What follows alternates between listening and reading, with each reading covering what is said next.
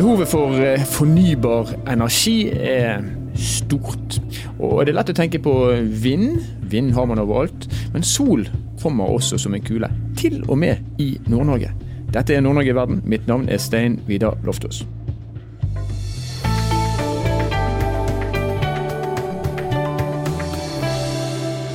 Litt senere i denne episoden så skal vi snakke med Christian Skottun. Han er leder for Telenor Svalbard. Og tro det eller ikke, men også på Svalbard tester de ut solcellekraft. Men litt før det så skal vi eh, snakke med Erik Stensrud Marstein. Han er forskningssjef ved Institutt for energiteknikk, og nå er han med oss her i Nord-Norge i verden. Og hjertelig velkommen til oss, Erik. Ja, tusen takk. Du, La oss ta det elementære først. Solkraft i Nord-Norge, er det mer teoretisk enn praktisk, eller? Nei, altså det, det, vi ser er at det begynner å bli litt fart på solkraftutbyggingen også i Nord-Norge. Eh, og det er klart, eh, Til syvende og sist så er det jo alltid et spørsmål om strømpris og bruk, men det begynner å komme en god del anlegg også der. Men det er klart det er en lavere solressurs i Nord-Norge enn det er i Sør-Norge, og det er mindre sol i Sør-Norge enn det er eh, i Sahara, men det er liksom fortsatt ganske mye sol å ta. Hva med mørketiden, da? Eh, så hva skal vi si? Eh, solcellene funker jo bare når sola er oppe, akkurat som at vindmøllene funker bare når det er vind. Man kan sette litt på spissen, og det er jo de som tror at man mener at man skal drive verden på solceller alene. Og det er klart, det er det ingen som påstår.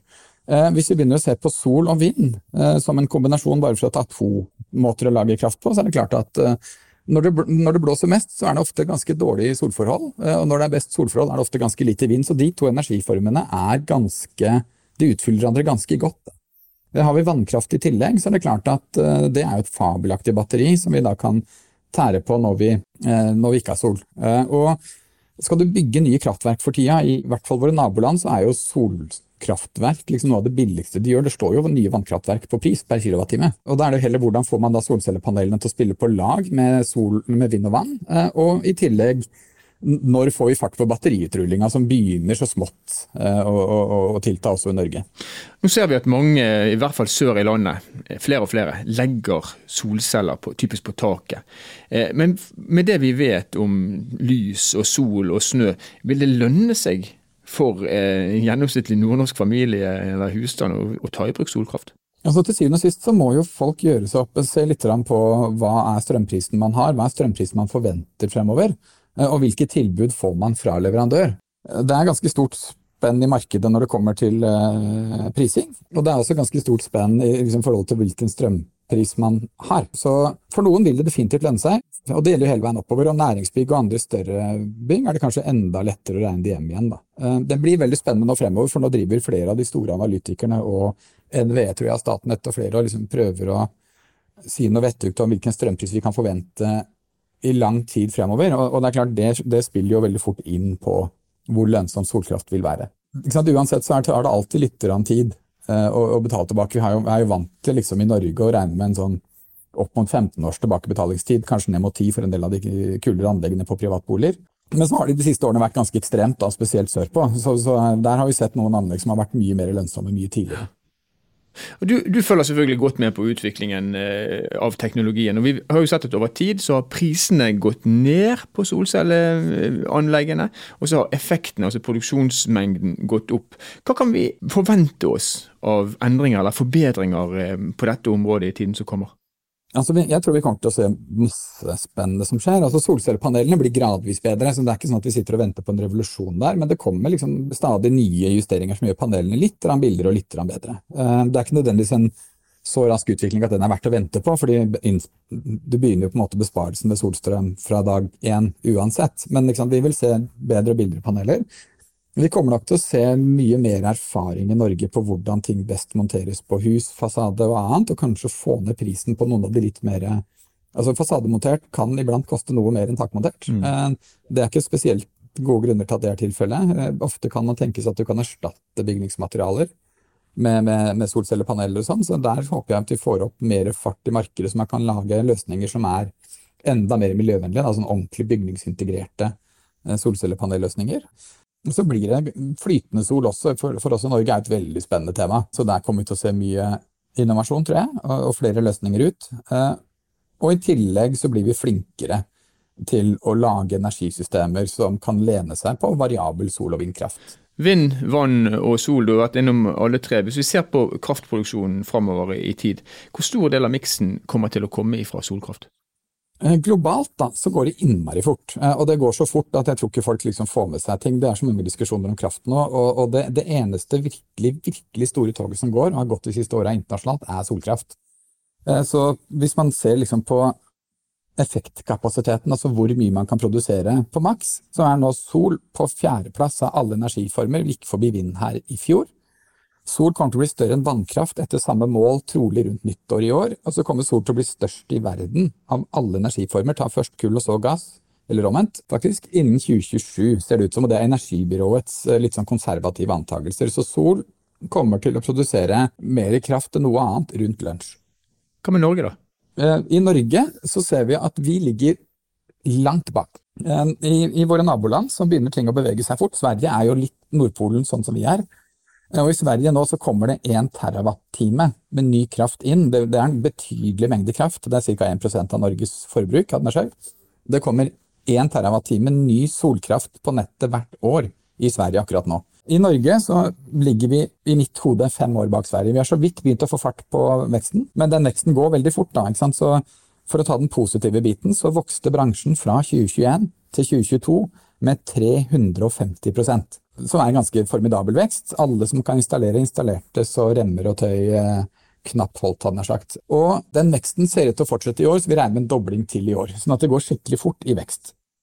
Når det er sagt, så er det klart at i 2021 så var Norge 0,1% soldrevet, basert på kilowattimer. Så 0,1% av strømmen vår i 2021 var solstrøm. Etter 2022 så er 0,2% av strømmen solstrøm. Vi fikk nesten dobla Vi installerte nesten like mange solcellepaneler i fjor som man har gjort gjennom hele historien i Norge fram til i fjor. Og vi kommer nå trolig til å gjøre den samme doblinga i år, som gjør at vi i år kommer til å installere ca. like mange solcellepaneler som man har gjort i hele historien fram til i år.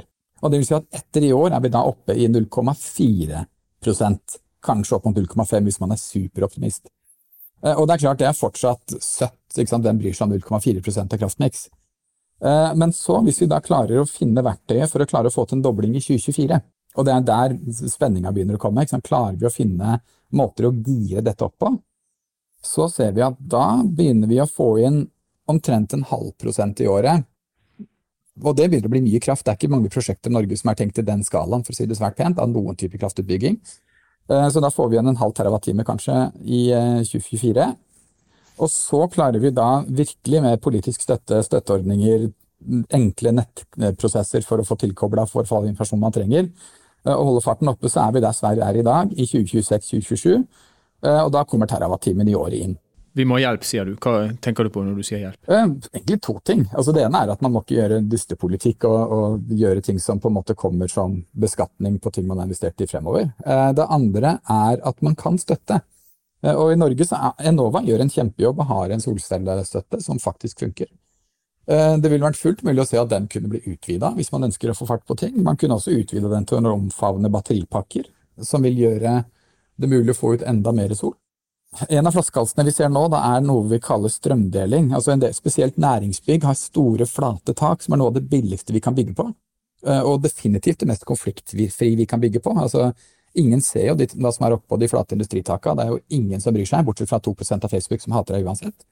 Uh, og de, de, er litt vanskelig å forholde seg til. Uh, og, og, det som da ligger på de flate industritaka, det er uh, altså, Ofte så bygger de bare ut en liten del av de takene, fordi de, de klarer ikke å bruke mer strøm sjøl.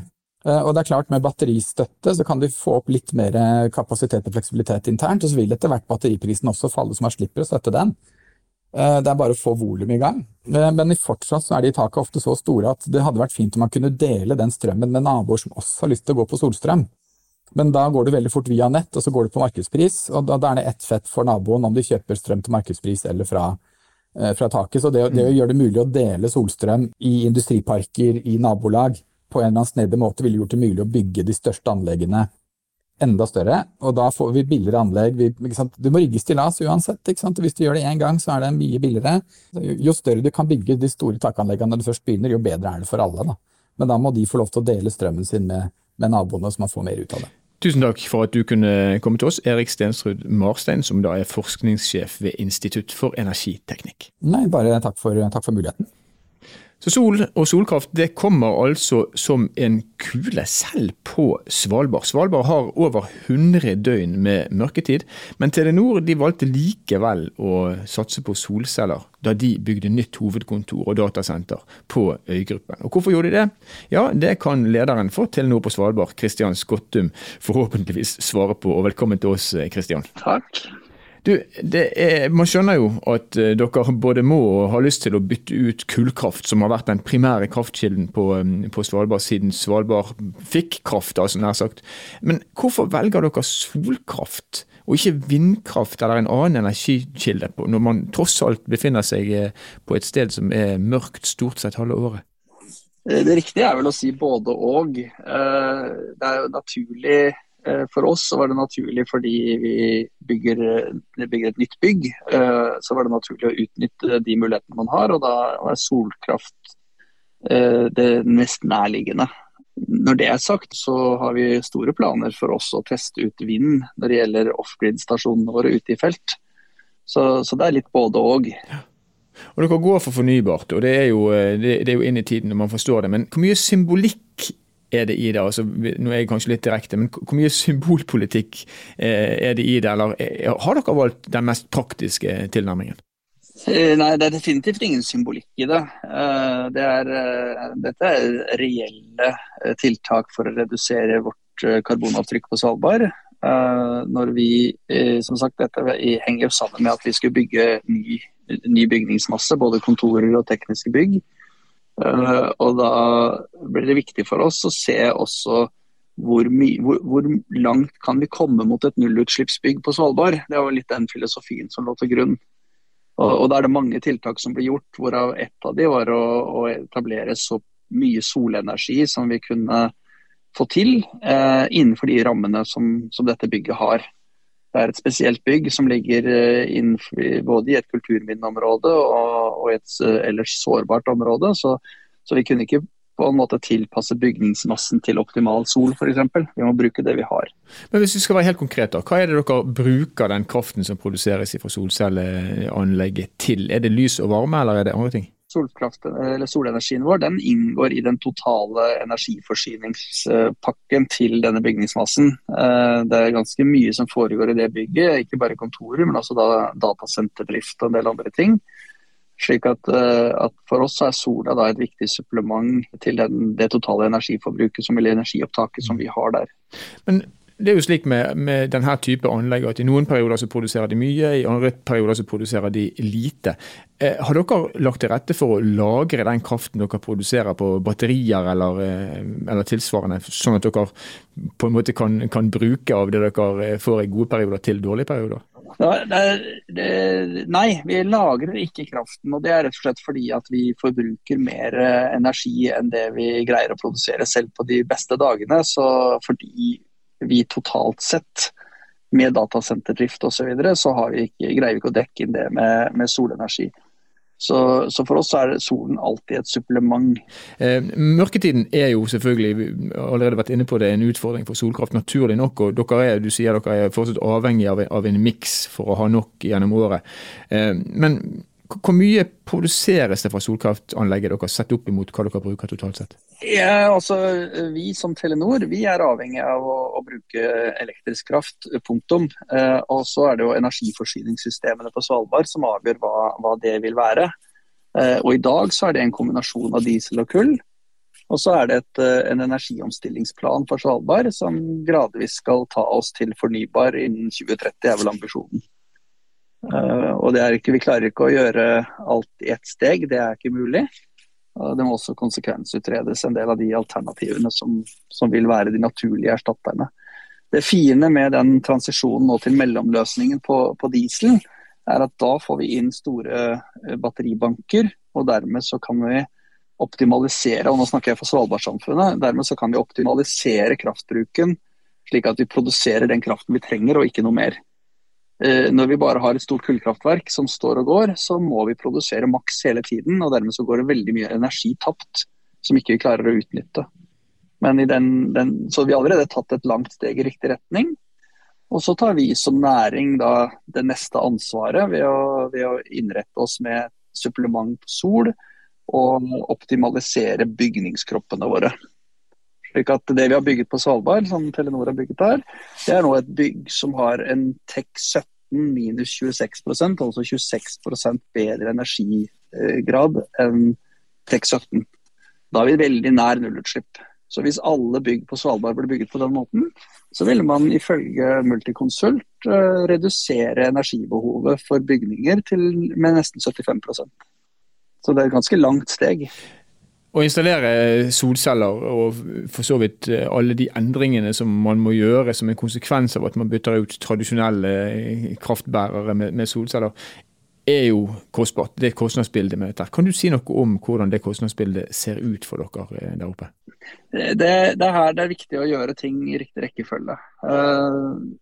Fordi, på det, dette nybygget fordi vi har valgt en løsning med helt integrerte solceller som er en del av bygningskroppen og en del av prosjektet, så forventer vi å få tilbakebetalt våre investeringer allerede i løpet av fem år.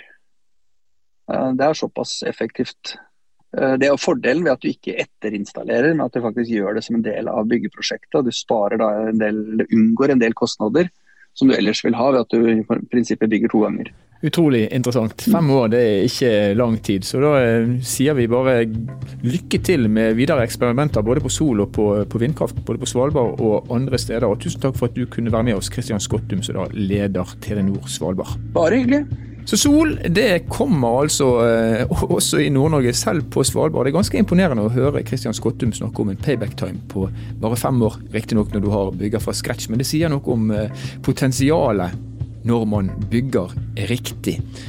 Litt sånn trøst da for oss som eh, bor i Nord-Norge, å høre at eh, selv om vi har mye mørke, så er det en ganske høy effektivitetsgrad fra moderne solcelleanlegg. Og som eh, Erik Nensrud Marstein sa tidlig, teknologien den raser fremover. Og allerede i 2027 så skal vi være på nivå med Sverige, og etter det så ja, det går kanskje ikke, så lang tid før sol er hovedenergikilden for eh, AS Verden. Det blir spennende å følge med. Nord-Norge Verden er en eh, podkastserie som er produsert av eh, Sparebank1 Nord-Norge i samarbeid med Helt Digital. Musikken du har hørt er laget av Emil Karlsen. Vi er foreløpig ikke drevet av solkraft alene, men det kommer vi til å være om ikke veldig lenge. Det er jeg ganske sikker på. Mitt navn er Stein Vidar Loftaas. Vi høres igjen i neste episode.